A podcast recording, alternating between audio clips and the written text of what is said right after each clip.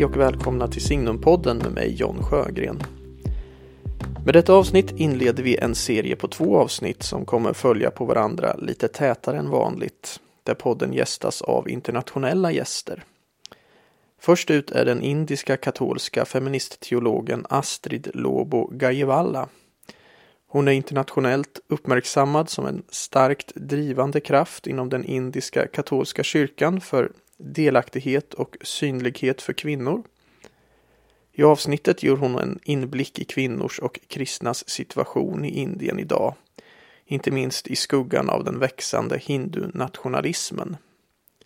Ett annat ämne som avhandlas är relationen mellan kyrkan i väst och kyrkan i öst, där Gajewalla kritiserar kyrkan för att vara alltför västcentrerad. Hon delar också med sig av sina personliga erfarenheter av att som katolik leva i ett blandäktenskap med en hinduisk man. Samtalet leds av Lovisa Bergdahl som är docent och forskare i pedagogik vid Södertörns högskola samt medlem i Signums redaktionskommitté och återkommande skribent i Signum. Hoppas ni ska finna samtalet intressant.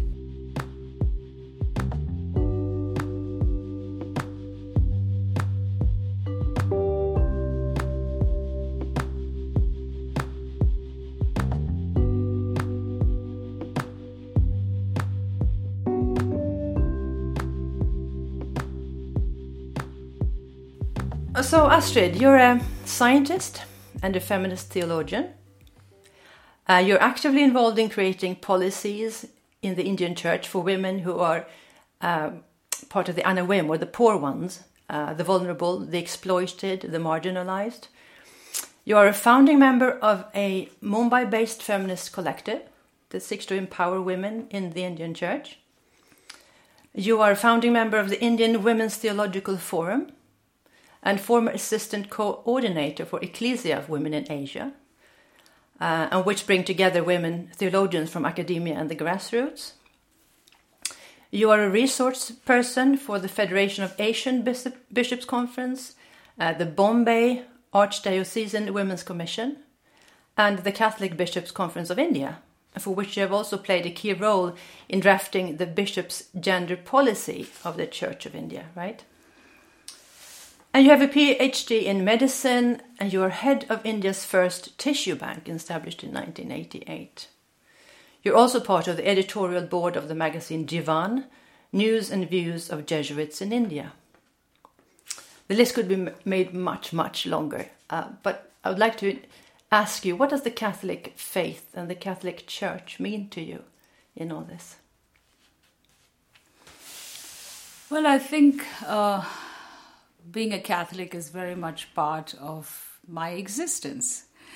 Uh, it has formed me in many ways, um, in my values, uh, in the way I look at the world, um, in my sensitivity to many global issues, um, in my sensitivity to the vulnerable in my own part of the world. So yes, I think being a Catholic is a very important aspect of my life. I think it's a very um, it's an it's it's an identity that I cherish, mm. and I'm proud to be Catholic. Sometimes also ashamed. Sometimes also I would say, uh, with all humility, when I look at some of past things that have happened in the church. Yes, but despite it all, I think I'm very happy to be and very proud to be a Catholic. What are you most proud of then, of all the things you've accomplished? In the church? That I've accomplished? Mm-hmm. Uh, well, I think my work with women and in women's groups. Uh, I don't know whether I would say that I've accomplished it, but I would just say that um, uh, it's it would be something that I've been a part of, and I'm very happy to be a part of this network of very strong women, uh, women who have um, uh, women who have struggled against the patriarchy in the church and uh, who have, I think, come out strong. Uh, so, yes, I'm very happy to be a part of that network. I'm happy to be a part of the decisions that these women have made to, uh, to form groups, to form associations which are totally independent of the um, uh, hierarchy of the church. So where the women have control of themselves and the way uh, and the way they think and uh, the actions that they would like to take on in certain issues. So yes, I would say that part of uh, uh, that's something that I am really um, proud of. What is there still to be done then? Sorry. What is there still to be done, do you think? Oh, there's a lot to be done. so, for instance, um, I think we all face clericalism in the church, and this is a big issue which we have been discussing for the last, well, at least since my feminist consciousness was awakened. And uh, we see it in many ways where uh, women are still second class citizens in the church. And I think one of the big reasons is that um, uh, we have only male priests. Um, and worse, that all governance in the church is linked with ordination. So these are some of the. So right now, of course, one whole issue would also be um, uh, we have um, uh, Hindu nationalism, which has become a big issue in India today. And so that would be one of the issues also that we would be exploring and looking at it, and you know how does it affect us as uh, Indian women, Indian Christian women. Yeah. So um, yeah, so these are some of the issues that we take up. Uh, we have spoken about. So I'm also, uh, like you said, a member of the uh, Indian Women's Theological Forum, and um, we take up many issues of gender justice. And yes, we have spoken about uh, the ordination of women, um, but um, there are varied views about it from the point of view of if priesthood continues to exist the way it is in its clerical state, uh, women really don't want it. And um, um, there has to be a new form of priesthood for women to be part of it. And also, um, definitely, people are not in favor of um, uh, having deacons at all you know or if you have them then so there are many women who are already in pastoral positions maybe not so much in india because see again this is not a concern of india because in india we still have enough priests. But i know from my interactions with uh, with people from other uh, countries that there are many women religious for instance who are already functioning as uh, uh, you know pastors. But they are neither ordained nor are they um, uh, you know ordained as deacons. So even the diaconate is not open to them. So these are some of the questions that we sort of ask and um, you And know. you're having lively discussions in India Oh, yes. about these things. oh yes we do. We have discussions. We've um, written about these things. Um, you know um, there have been uh, journalists who write about it and interview us on this.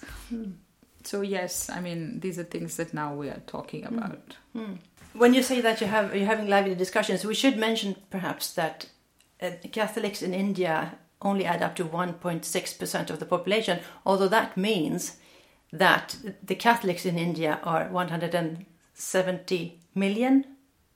17 million 17 million. 17 17 yes, million. So presumably half of those are women.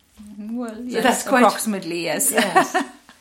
yes so, so you have quite um, large forum for, for for discussion and debate. Would you So say? let me say that um, it's it's, it's uh,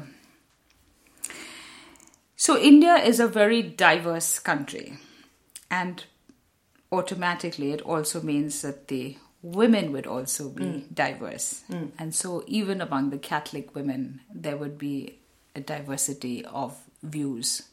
Yeah. So when I speak about the lively discussions, okay, I would say this would be among um, a more progressive group, which is a small group compared to the, if you were saying seven, eight million. Yeah, Okay. okay. So it's a long process of conscientization, and um, things have to, you know, it, they will take time. So I would not say that all the Catholic women are thinking the way I'm thinking. No, no. I would say we're a very, very small minority. Okay.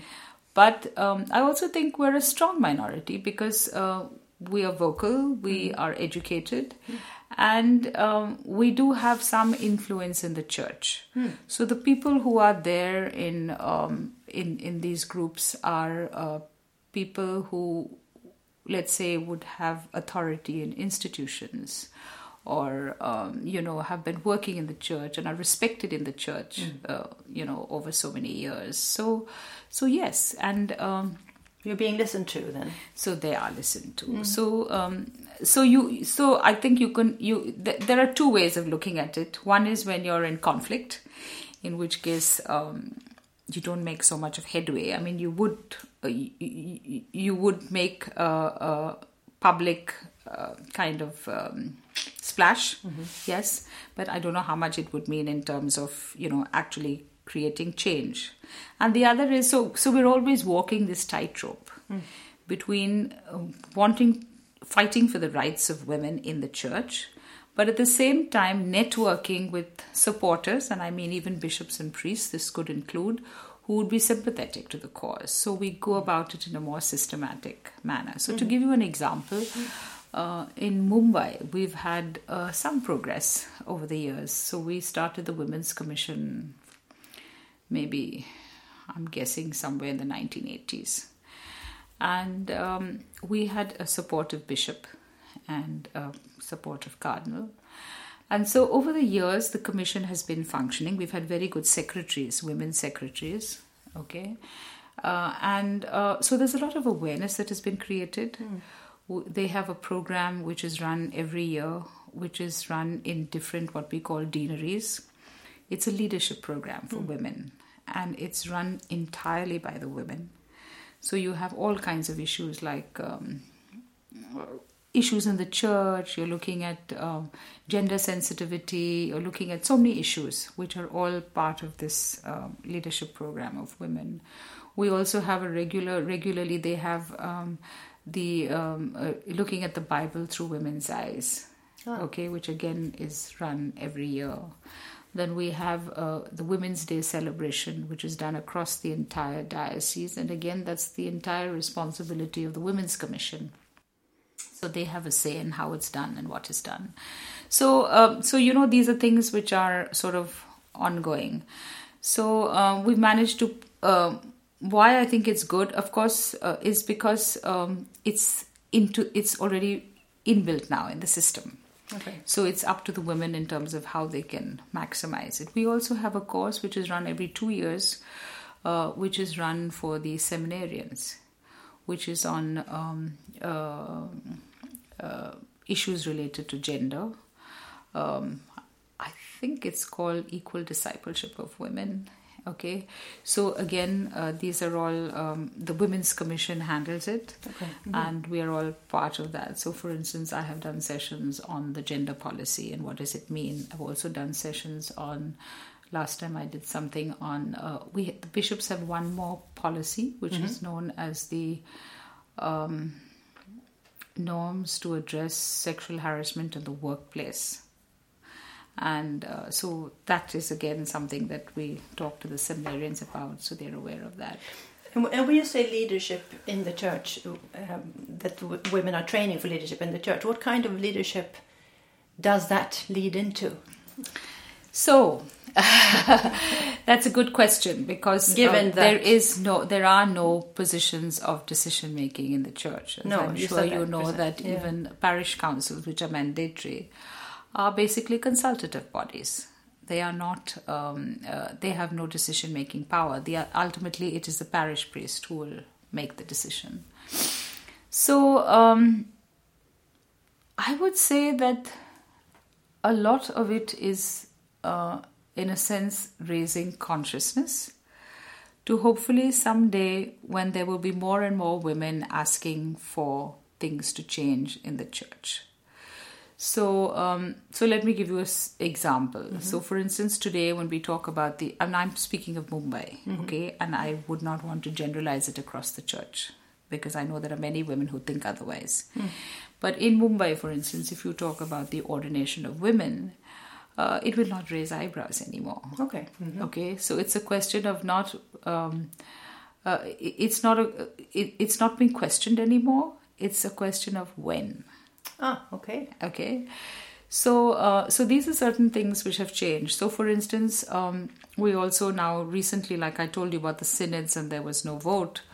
So, uh, I happened to be at Rome when in Rome when they had the last uh, synod and um, Voices of Faith, which is this group, uh, very active group um, in in in Rome, run by Chantal, and uh, they. They organized we organized a little protest uh, when the bishops were coming in the cardinals were coming in for the synod.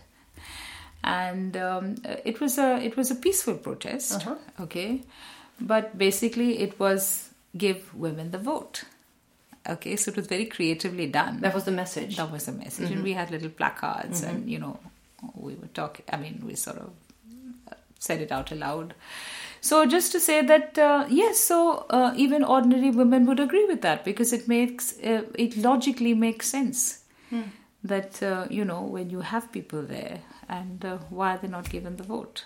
When you think that you know you have invited them there you think they're experts in their field and have something to add to the synod then should they not also have a vote? You mentioned earlier um, the situation of, of Hindu nationalism in, in India. so I'm wondering if we zoom out a bit from the church and and and we also talked about the, the amount of Christians in India. There, there are only 2.3 percent of the population are Christians. Only one 1.6 are Catholics. What is it like today to be a Catholic in India, given the the rise of of Hindu nationalism? Has it become more difficult recently, or has what's the situation like? So I think it depends. Um,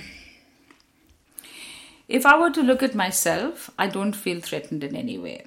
All right. I also want to say that uh, well, I have my husband is Hindu. Uh, some of my closest and dearest friends are Hindu, so um, it has not made a difference in in that sense. Okay, but I do know a fact for a fact that. Um, so when we speak of Hindu nationalism, okay, there's a there's a whole um, understanding in terms of um, uh, wanting to have a kind of uniform Hindu culture, and I must honestly say that it's not just um, the minorities who oppose this, but there are many Hindus also who oppose it. Okay, so it's not like all Hindus are for it. No. So I think uh, that should definitely be said. Uh, the other thing is that yes, there are certain places where um, it has led to violence. Okay, uh, in certain communities, Um and I think people are afraid that it would lead to more. So there is, um, you know, like one of the things which created headlines in a big way was, um, you know, with um, the beef ban. And, um, you know, that was seen very much as uh, something linked with Hindu nationalism. Uh, And of course, it's only, it's in some states, not in all states. And there were actually lynchings of, uh, you know, mostly, but not always, uh, uh, Dalits uh, and uh, Muslims who were uh, accused of, uh, you know, killing uh, cows kill, or yeah. you know, uh, i- involved with that, and and and that's been rather disturbing, Okay. you know. So um, there seem to be more cases of that now than there used to be. Of course, there hasn't been anything in immediate recent times, so And that affects many minorities then, the Muslims as well. well, yes. So, so what has happened is that um, there is a fear being created which wasn't there before, and also there is um, what I see as um, I call it the elephant in the room. Okay. So it's a question of um, is there an elephant in the room? Uh, is it only I whom see, who is looking at that elephant? You know, I mean, do others see it? Do they not? Um, uh, I feel crushed by it. Do other people see that I'm being crushed by it? You know, so so this is this is. Um, I, I think these questions are arising. So hmm. previously we never talked about religion you know hmm. even in our friend circles and you, you talked about other things but nobody ever um I- never identified myself as a Christian, or the other person didn't identify themselves as a Muslim or Hindu. You know, those were those were your private concerns. Okay. Huh. Okay. But today it's coming out in you know even in public discourse, and personally, I find hmm. that disturbing mm-hmm. Why? Why do you find that disturbing? because it is something private. Why should I be defined according to my religion? So I am I am an Indian. Okay, and um, um, But you're not a Hindu, so some would say being an Indian would be to be a Hindu. that's it, and Yeah. that's my objection. yeah. Okay. that I am a Christian, but I'm also Indian, Hmm. and I'm as proud to be a, a Hindu. I mean, uh, as proud to be uh, an Indian as I am to be a Christian. Hmm. They're both part of my identity, and just because I'm Christian doesn't make me any less Indian than anybody else. No, okay, I see what you mean. I have a question also about that that um, relates to this, um, because what is striking, speaking of, of Indian culture being Indian slash Hindu, as a when when I travel in India, I'm struck by the um, the visible presence of female deities, female goddesses, and there seems to be um, some kind of divine motherhood or the, the divine mother, divine goddess, the divine deity is very present in, in society visually. And yet, on all these kinds of rankings that are done, International Amnesty, for instance, did um, did one quite recently. India is ranked as one of the five most dangerous countries to live in as a woman, uh, given factors such as forced marriages, acid attacks, rape rates, domestic violence, female infanticide, all those kind of things. Um, and yet again, politically, India has a, a, a very present tradition of, of, strong female politicians, right? So it, all in all, there's very ambivalent. Um,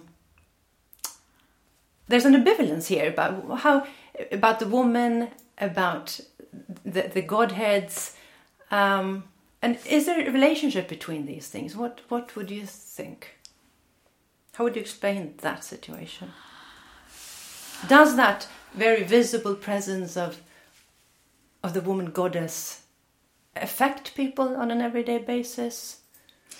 So okay, so I'm not a sociologist. I must I. honestly say that at the, at the start. Um, but this is, of course, just from my observation.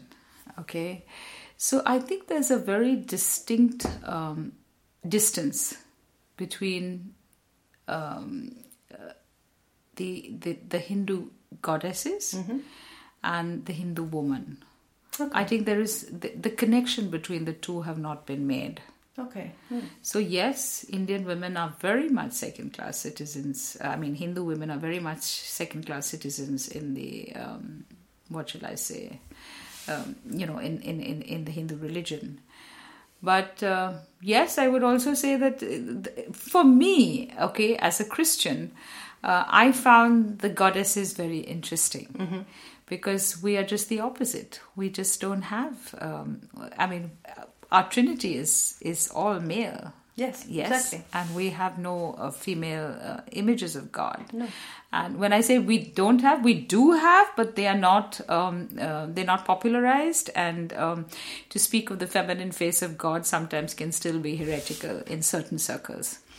So uh, for me, I find this a very liberating uh, aspect of divinity to be able to see that you know God is beyond gender. Uh, but um, I don't know whether they have this kind of theology in, in Hinduism, Okay. where you know you kind of link the two. So I, I, I really, I mean, I don't have an answer for it. As I said, I can only give you the observation, which is exactly what you said, that there just seems to be no connect between, uh, you know, um, worshipping uh, the goddess on one hand and ill-treating the woman Uh-huh. Okay, on the no. other.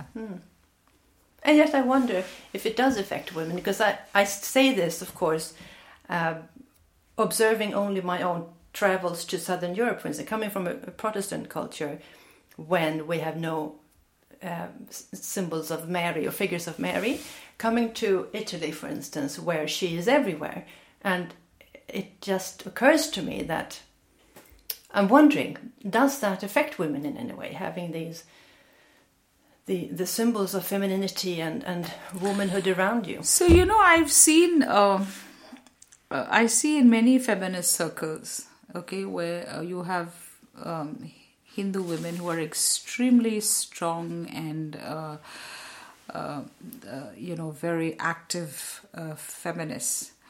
Many of them have given up religion.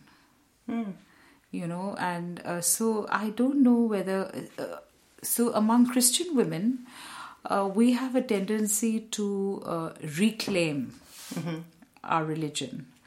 So we reread it. We reread the Bible. We reread, um, uh, you know, um, the way women have been uh, portrayed.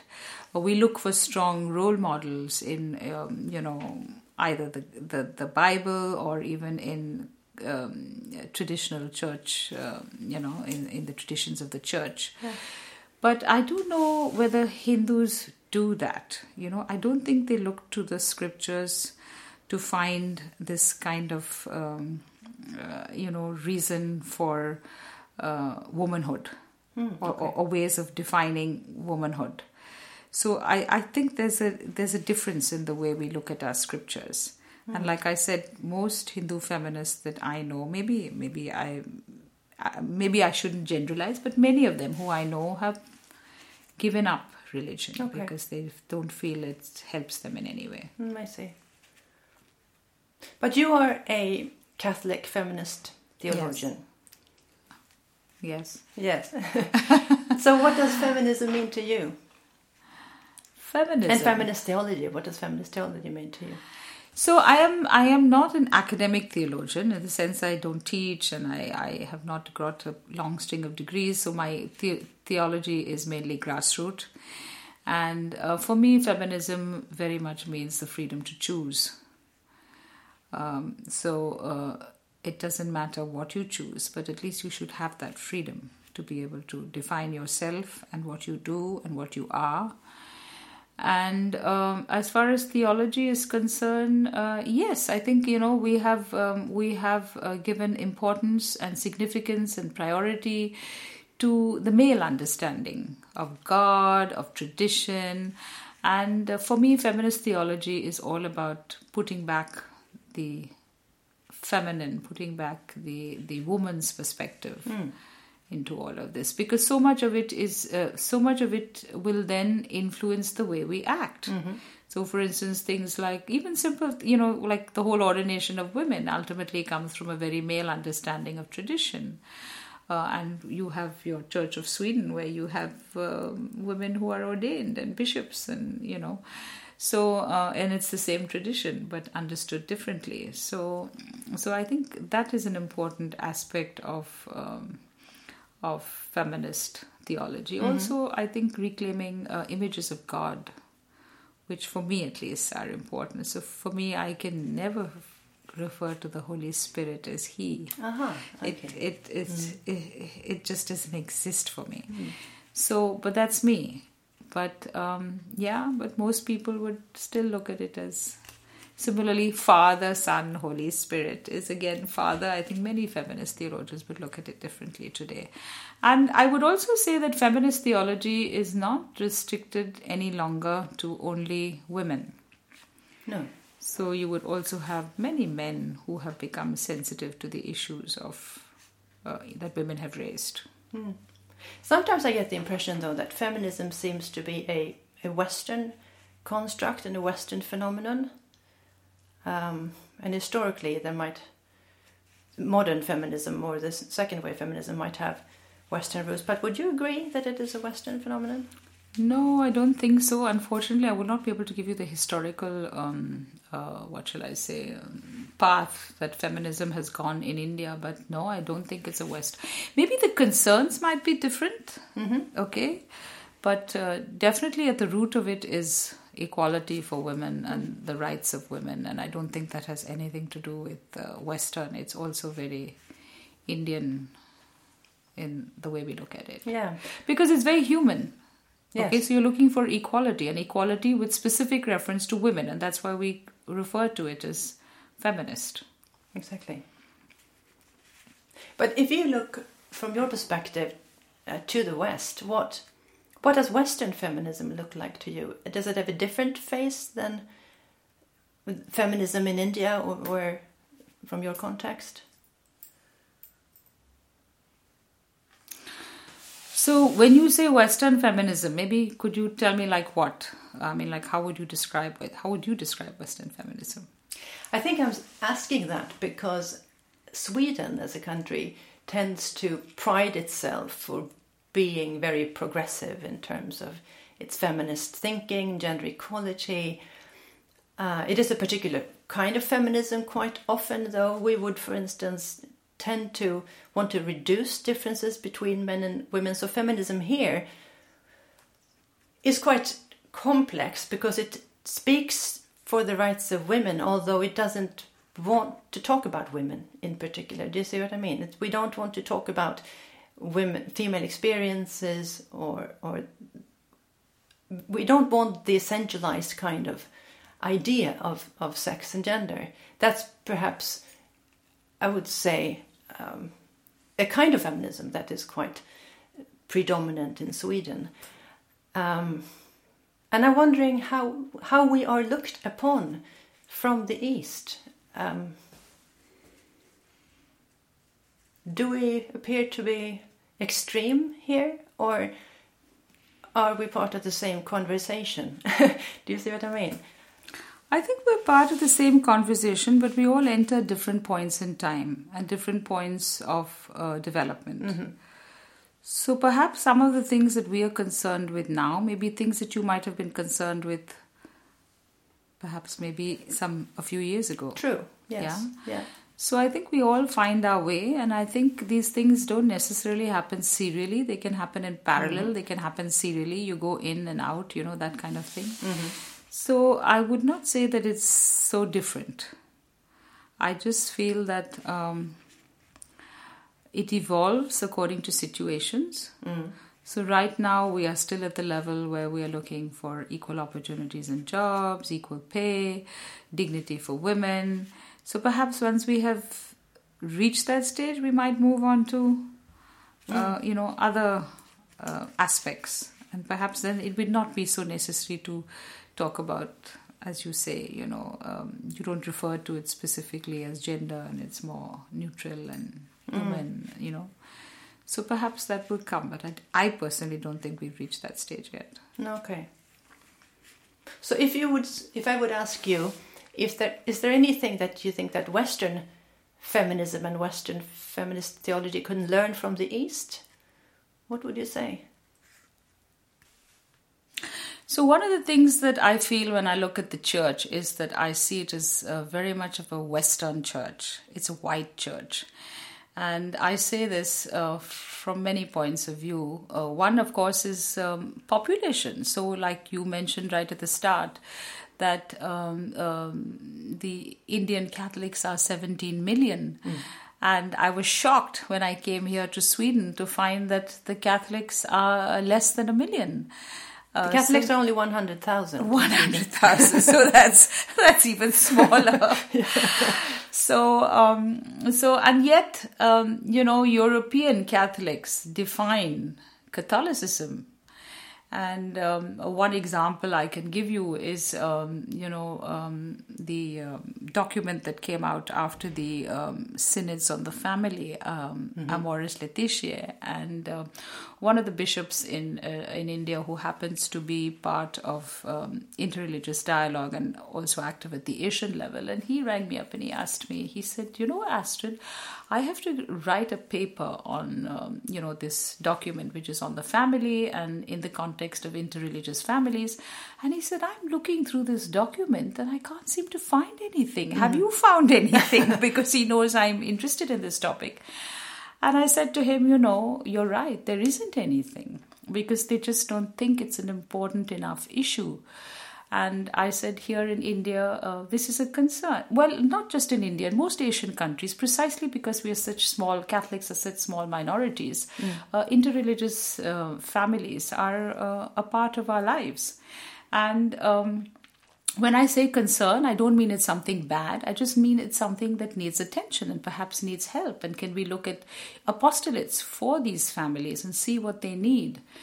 And uh, so I said, uh, so I feel that, you know, this is something like the whole document, there was so much about uh, divorce and remarriage, okay? But almost nothing about uh, you know Catholics in in uh, uh, in marriages which include people of other faith. And to me, it seems that it will never be an issue for the church until it becomes a white issue. I see. So when you have like uh, maybe the demography of Europe is changing because of the European Union, and uh, perhaps then when it becomes a concern of Europe, it will become a concern of the church, and and that is something that I'm not happy about. And you have experience of this yourself. You're married to a Hindu man since Yes. 27 years back, or 31 now. 31 now, even. Uh, I actually uh, saw that you've written a text uh, with him, in dialogue with him, where you describe your journey together as a journey into communion. Yes. Would you like to explain that to us? What do you mean? Well, we come from two different traditions, and um, in India, that that means different religions. It means different ways of dress. It means different languages. It means different food. It means uh, you know, it's like different Because different religion is so much part of your Yes. ordinary And also in India, life. we come from different. Every part of India has its own culture. So if you are from two different um, uh, states, you would have two different cultures. So, um, so this would of course mean even for people within a particular religion. So you could have two Hindus, but if they come, somebody from Gujarat and somebody from Kerala would have very different customs, even though they're both Hindus. So it's both culturally as well as religiously uh, diverse. So yes, um, for me, I think for both of us, my husband and I, um, ultimately it's a question of uh, human relationship and how well do you want your marriage to work. So um, I think um, so for me as a Catholic, because the church means a lot to me, um, the church was both a help and a hindrance. Okay. So um, when I say a hindrance, I find some of the laws are very insensitive, and some of the teachings of the church are very insensitive. Like what, for example? Uh, well, okay. So one big thing that we struggled about, my husband and I, although I got married in 1988, okay, and the code of canon law had changed, and you had, uh, if I'm not mistaken, the 1984 code of canon law, okay, and in that law it did not say that you had to baptize your children. It just said that you would do all in your power to baptize your children. Whereas um, the Indian church uh, actually did not follow that law. And it was still going according to the old 1917 code, which said that you had to, um, uh, you know, baptize your children and you had to sign an undertaking to that effect. So that was something that caused a lot of trouble for my husband and me as, as uh, you know, as a couple. So what did you do? So, well, I was lucky. That's why I said it's been a help and a hindrance. Okay. So I have received a great deal of help from people in the church, and for me, that is my church. I see. Okay, it's not the hierarchy, it's not the laws that are made, but it's the people in the church. And I had a Jesuit counselor, and he explained this law to me, and he says, you know, you're within your rights um, not to sign such a paper that you will baptize your children. And so I talked to my parish priest, and he happened to be a very nice person, and he uh, he was also a theologian. Uh, he was a moral theologian and a very good human being. And so we talked about it, and I told him, I said, Look, uh, I will sign a paper which is verbatim the canon law as it exists today. I will sign that. But I will not sign the paper that you are giving me, which has the law of 1917. ah, okay. and he agreed. So so that's how that's what we finally did. And of course um, so my husband's argument very simply was those children are not just yours they're mine too. And he's right. And he said why should they be baptized? And he says you know what your church is like the moment they're baptized they will not be able to do any hindu rituals. They will not be they'll be feeling guilty every time they enter a temple. Uh, you know all these kind of uh, things will be there. And uh, it will cause a distance between my children and me. And I fully agreed with him because he says, whatever you say, the moment you give them a label, they will grow into that label. And so we decided that we would, um, you know, bring up our children in both traditions, expose them to both traditions, and uh, then when they're older, they can decide what they want to do, uh, which is what we did. Have they decided? So, well, this is always a question that's asked to me. Oh, okay. and interestingly, of course, and expectedly, always by Catholics. So, um, yeah. yes, I have three children, and um, two of them did get baptized for different reasons, and uh, one of them didn't. But I must, I must honestly also say that um, although they have been baptized, I do not like many of their companions who are also baptized Catholics, uh, and I'm sure many uh, young people in in in Europe, uh, they are not so um, inclined to church rituals and you know going to church. And yes they will believe in spirituality. And yes they are very much into human rights and social issues. Yes. But i do not know whether they would uh, today even though they are baptized i do not know whether they would identify as catholics.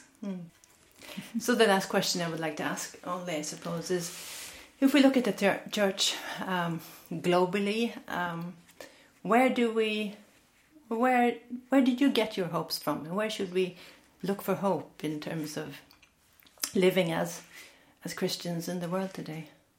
people The community. the community.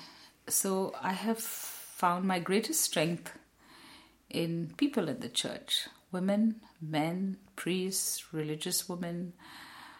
Um, and they're a source of great inspiration for me, uh, a source of challenge, a source of strength, solidarity, and um, sometimes even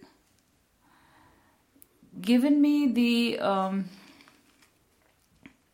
um, shall I say given me the strength to survive in the church. It's not easy to survive in the church when you are a second class citizen. And uh, so I would say that yes, the people in the church, the people who I know, who who I consider the church, you know, not the Vatican, not the bishops, but the people. And yes, and among these women in particular, um, yes, I would say that that would be my great hope for the church. Thank you so much, Astrid, for coming to Sweden, for sharing your experiences with us. I hope you enjoy the rest of your stay. And thank you for doing this conversation for Signum. Most welcome, my pleasure.